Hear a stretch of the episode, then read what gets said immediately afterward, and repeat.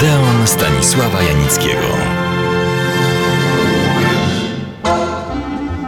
Nie wchodząc w szczegóły, od przyjaciela swego otrzymałem stronę przedwojennego czasopisma na szerokim świecie. Dlaczego akurat to czasopismo? Ponieważ cała ta strona poświęcona była filmom, a ściślej ludziom filmu i to jakim. Tytuł wiele wyjaśnia. Brzmi tak: Blaski i nędze gwiazd i podtytuł Budżety amerykańskich artystów filmowych.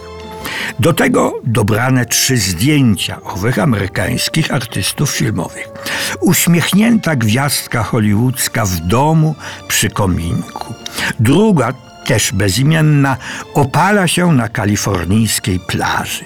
Na trzecim zdjęciu, w fantastycznej kreacji, w garderobie przed lustrem, jest podpis brzmi Wesoła wdówka, Żanetka McDonald, czyli Żanet McDonald, przed lustrem w czasie toalety.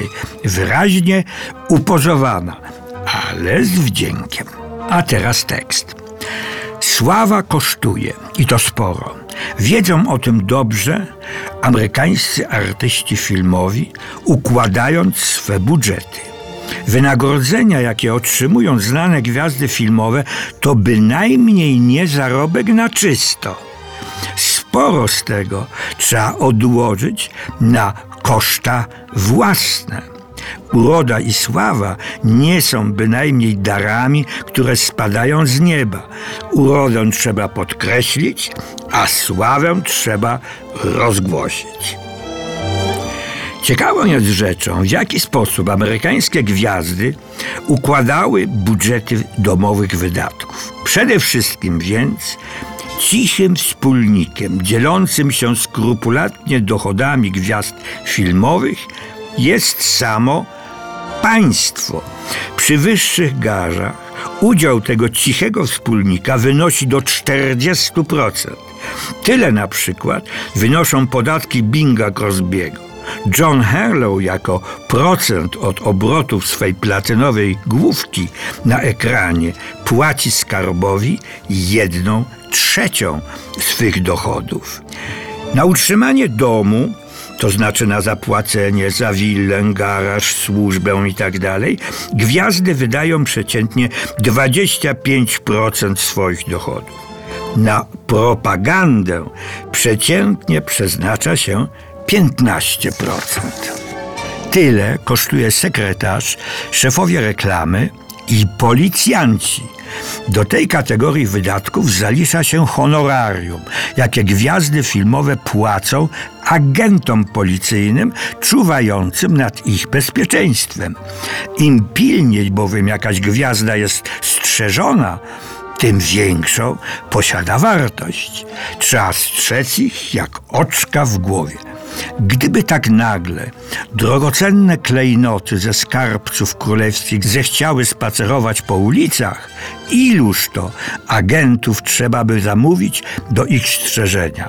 A tu gwiazdy w pełnym blasku swej sławy chodzą po tych samych ulicach, po których przechadzają się gangsterzy. Co szkodzi takiemu panu w braku chwilowego lepszego zajęcia?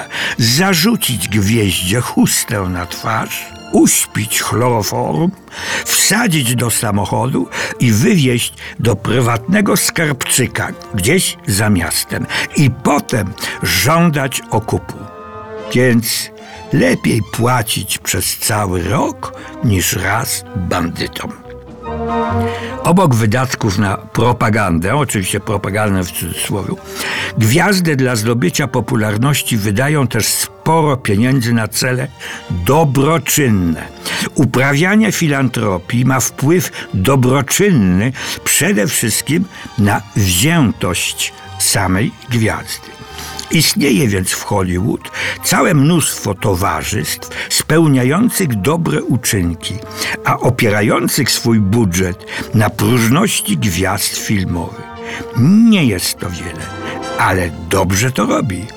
Wreszcie pozycja ostatnia. Najdziwniejsza dla tych, którzy uważają gwiazdy filmowe za uosobienie lekkomyślności ale o tej lekkomyślności opowiem Państwu za tydzień. Serdecznie do Odeonu zapraszam.